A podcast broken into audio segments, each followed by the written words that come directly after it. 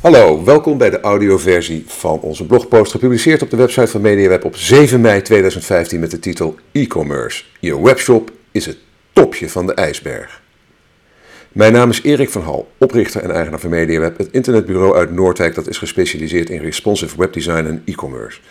Heb je behoefte aan een mooie responsive website of webshop? Neem dan zeker contact met me op voor een vrijblijvend kennismakingsgesprek. Mijn contactgegevens vind je uiteraard op de website mediaweb.nl. Nou, wat is denk je het meest onderschatte probleem bij e-commerce? Nou, die vraag stelde ik aan Hugo Leijten, een expert op het gebied van e-commerce ketenbeheer. Als jij verantwoordelijk bent voor een e-commerce project, luister dan zeker verder. Want Hugo heeft een aantal waardevolle tips om je e-commerce activiteiten te verbeteren. Hugo Leijten is eigenaar van e-commerce dienstverlener Projection, een link in de blogpost. In die hoedanigheid heeft hij jarenlang ervaring met het stroomlijnen van alles wat er met een online bestelling gebeurt vanaf het winkelmandje. Hij signaleert al geruime tijd dat de e-commerce wereld bestaat uit tal van losse eilandjes van specialisten. Eh, hij zegt dat er, uh, in zijn woorden, er zijn experts in het maken van webshops, in warehousing, fulfillment, distributie, klantenservice, inkoop, supply chain, betaaldiensten, finance, retourlogistiek, etc. etc.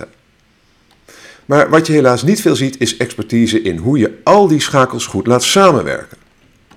Hoe koppel je al die schakels naadloos aan elkaar?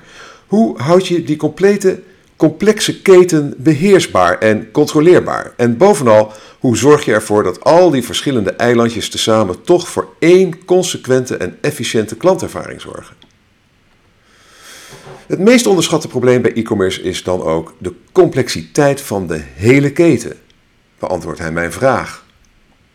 Volgens Leijten onderschatten veel ondernemers de complexiteit van het procesmanagement. Die complexiteit verschilt natuurlijk per webwinkel. Het zit hem niet eens zozeer in het volume, de aantallen.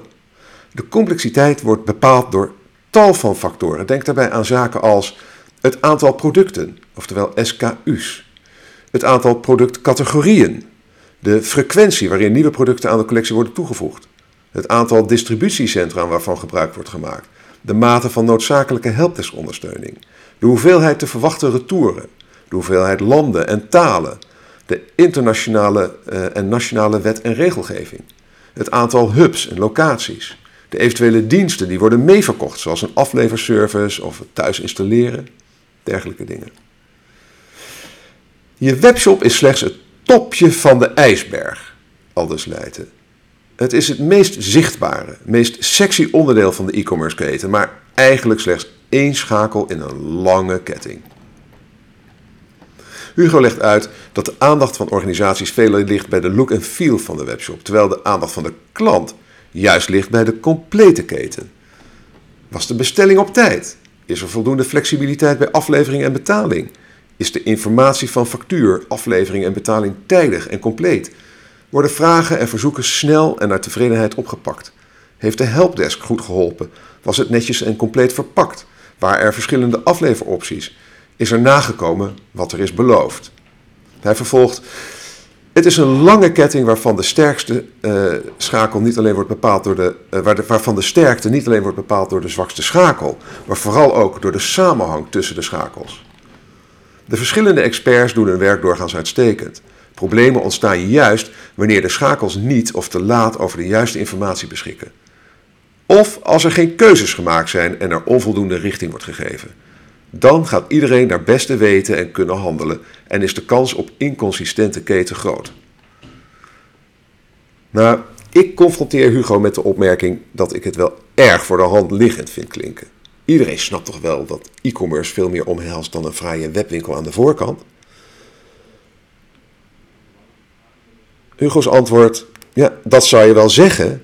Maar toch maken wij vaak vergaderingen mee die voor 90% over die fraaie, glimmende voorkant gaan. Over de kleur van een knopje, over de grootte van een font, over de kleinste details. Slechts 10% van de tijd gaat het dan over dat deel van de ijsberg dat onder water ligt. Terwijl je als eerste zou moeten bedenken wat je wil verkopen en je de consequenties daarvan de, voor de hele keten in kaart moet brengen. Daarmee bedoel ik zaken als welke informatie uit de webshop hebben de mensen van de helpdesk nodig? Hoe gaan we die verpakken? Willen we gedeeltes van de bestelling apart kunnen versturen als niet alles op voorraad is? Hoe informeren we klanten proactief als er iets met een bestelling aan de hand is? En hoe weten we überhaupt dat er iets aan de hand is? Leveren we ook op afspraak of, of dezelfde dag? Bieden we wel of geen cadeauverpakkingen aan? En zo ja, wat doen we dan met producten die daarvoor te groot zijn? Hoe gaan we om met kortingen, ook in geval van retouren? En hoe verwerken we dat in de financiële administratie? Etcetera, etcetera. De e-commerce keten is bijzonder complex. En helaas denken veel webshop-eigenaren pas na over dergelijke details nadat de webshop al is gebouwd. En dan is het vaak te ingewikkeld om de wensen die dan in beeld komen alsnog te verwerken. Door de drukte en de waan van de dag gaat men noodgedwongen verder met een webwinkel die niet optimaal functioneert. Stel jezelf de volgende vragen. Als je jezelf uh, uh, in het bovenstaande hebt herkend. Hè? En, en, als je wil weten uh, wat, wat, of jouw keten ook zwakke schakels heeft, ja, dan adviseert Hugo om jezelf de volgende vragen te stellen. 1. Ontvangen we veel klachten? Als je personeel veel tijd kwijt is aan het afhandelen van klachten, gaat er ergens in de keten iets niet goed. Registreer en analyseer alle klachten, lokaliseer de zwakke schakels in de keten en repareer die. Vraag 2. Hebben we moeite om de meeste klachten naar tevredenheid op te lossen? Een klant wiens klacht naar tevredenheid wordt opgelost is vaak een grotere ambassadeur van je merk dan een klant die, die je direct al goed hebt geholpen. Zie je klacht als een kans, niet alleen om van te leren, maar ook om een nieuwe ambassadeur voor je merk te werven. Dan breng in kaart hoeveel van de klachten naar tevredenheid worden opgelost. Vraag 3. Zijn onze mensen veel tijd kwijt aan het oplossen van problemen? Waar gehakt wordt, vallen Spaanders. Fouten maken is menselijk, maar als je mensen een groot deel van hun tijd kwijt zijn met het oplossen van operationele problemen, zoals leverbelofte die niet wordt gehaald, foutieve orderpik, verkeerde of te weinig producten in huis, etc. Ja, dan is dat een sterk signaal dat er zwakke schakels in de keten zitten of dat de schakels niet goed gekoppeld zijn. Denk bij problemen verder nog aan zaken als onnodige retouren door fouten of te late verzendingen, fouten bij inkoop en voorraadbeheer, verkeerde afspraken met leveranciers waardoor je restanten niet kan retourneren. De lijst met mogelijkheden, met mogelijke problemen is natuurlijk eindeloos. Breng ze voor je organisatie goed in kaart. Vraag 4. Hebben we minder terugkerende klanten dan we zouden mogen verwachten? Een klant krijgen kost veel geld. Verpruts je de verzending, dan ben je die investering zo weer kwijt. Als minder mensen terugkomen voor een volgende aankoop, dan zou je mogen verwachten dat een aanwijzing. Eh, eh, je, eh, sorry, als minder klanten terugkomen voor een volgende aankoop dan je zou mogen verwachten, is dat een aanwijzing dat er iets misgaat in de keten. Vraag 5. Heb je geen tijd om over vernieuwingen en verbeteringen na te denken? Ben je de hele dag bezig met zaken die belangrijk en dringend zijn, zoals het voortdurend blussen van nieuwe brandjes? En kom je daardoor niet toe aan, om voldoende tijd te besteden aan zaken die wel belangrijk zijn, maar niet dringend, zoals gebruikerstests en het nadenken over vernieuwingen en verbeteringen aan je webshop? Dan loop je het gevaar dat je e-commerce bedrijf veroudert en ineens links en rechts wordt ingehaald door snel innoverende concurrenten. Zorg er daarom voor dat je voldoende tijd en geld reserveert voor de doorontwikkeling van je e-commerce concept. En vraag 6 die je jezelf uh, zou moeten stellen is: stagneren vernieuwingen en verbeteringen omdat ze te lastig te implementeren zijn? Stilstand is achteruitgang, zeker bij e-commerce. En de technologische en marktontwikkelingen gaan razendsnel. Als je merkt dat je innovaties niet kan doorvoeren omdat bepaalde delen van de keten hiervoor nog niet klaar zijn, dan heb je een probleem. Een voorbeeld kan zijn dat je de webshop niet responsive kan maken, omdat bijvoorbeeld de betaalmodule daarvoor ongeschikt is. Nou, als je antwoord op één of meer van de bovenstaande vragen ja is, dan zitten er zwakke schakels in je keten. En Hugo heeft een aantal tips hoe je dat kan gaan aanpakken. En Hugo's eerste tip is: bedenk vooraf wat voor winkel je wil zijn. Ben je een prijsvechter of wil je juist de bovenkant van de markt bedienen? Dat maakt veel uit voor alle onderdelen van de keten. Niet alleen voor het ontwerp van de website, maar ook de mate van service die je verleent hangt hiermee samen.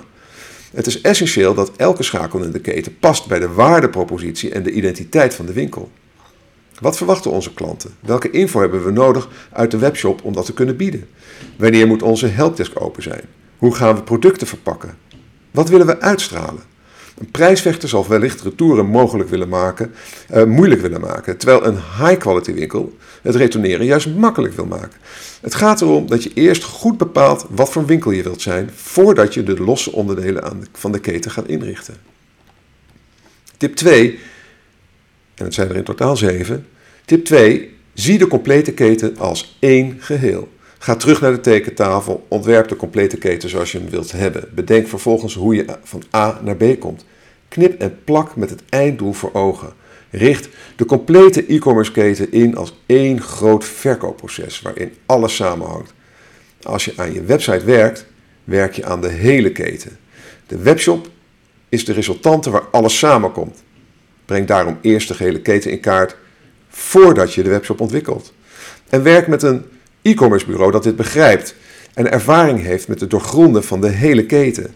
Betrek de ontwikkelaar van de webshop vanaf het begin bij het project, zodat de vroegtijdige keuzes, wensen en beslissingen mee kan nemen in de consequenties voor de werking van de webshop en voor het bewaken van de afhandeling richting de rest van de keten. Tip 3. Zorg dat alle schakels in de keten vervangbaar en uitbreidbaar zijn. Hoe kunnen we elke schakel zodanig inrichten dat we die desgewenst kunnen vervangen, verwijderen of uitbreiden? Welke effecten heeft dat op andere onderdelen van de keten? En wat betekent dat in de praktijk? Tip 4. Denk in uitzonderingen. En breng de hele keten in kaart en denk daarbij nadrukkelijk ook aan alle denkbare uitzonderingen. Want uitzonderingen kosten tijd. De ideale bestelling is nooit het probleem. Tip 5, en dit is een belangrijke, stel een programmamanager aan. Maak een programmamanager eigenaar van de hele keten. Een generalist die de volledige keten, het hele programma bewaakt. Iemand die alle eilandjes overziet en bruggen weet te slaan. Stel daarvoor idealiter iemand aan van binnen je organisatie. Zorg daarbij ervoor dat deze persoon ook echt voldoende tijd heeft om het goed te doen. Het werken met een extern of interim persoon voor deze taak kan eventueel een alternatief zijn. Tip 6, de ene laatste. Bepaal vooraf hoeveel tijd er beschikbaar is of komt vanuit de organisatie. Nou, is er genoeg capaciteit? Zijn er voldoende FTE's beschikbaar voor tijdens en na de implementatie van de keten? En dan de laatste, de zevende tip. Stel vooraf doelen. Wat zijn de verwachtingen? Hoeveel bestellingen? Omzet? Groei? Wanneer wordt het resultaat als succes gezien? Hoe lang wordt daarvoor uitgetrokken? Etcetera. Nou, dan komen we aan het eind. En tot slot nog een opmerking eh, van Hugo. Ehm, hij stelt, de processen ombuigen is een intensief veranderproces. Te meer omdat de, uh, omdat de dagelijkse gang van zaken gewoon doorgaat en er veel kennis voor nodig is. Maak je capaciteit voor vrij. Of zorg voor tijdelijke extra capaciteit en of kennis. Anders wordt het een betere lijn. Met andere woorden, veel duurder en veel later gereed dan gepland. Nou, tipte Hugo ook nog een goed boek uh, over dit onderwerp. En het boek, de titel is Shopping Tomorrow en een link staat in de blogpost. Nou, wil je meer informatie over de e-commerce ketenbeheer? Neem dan contact op met Projection. Een link uiteraard uh, in de blogpost. Je, je, spelt het P-R-O-J-A-X-I-O-N en dan .com of .nl. Werkt allebei. Nou, wil je meer informatie over het realiseren van een goede webshop? Neem dan uiteraard contact op met MediaWeb, met mij of met Niek.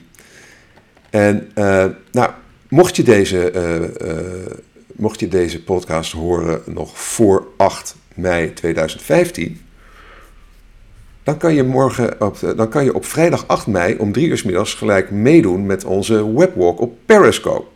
Want dan is Hugo mijn gast, hè, die loopt met me mee.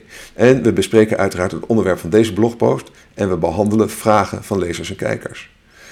Nou, heb je uh, uh, deze, uh, ja, hoor je deze podcast na 8, 8 mei, dan kun je hem terugzien op YouTube.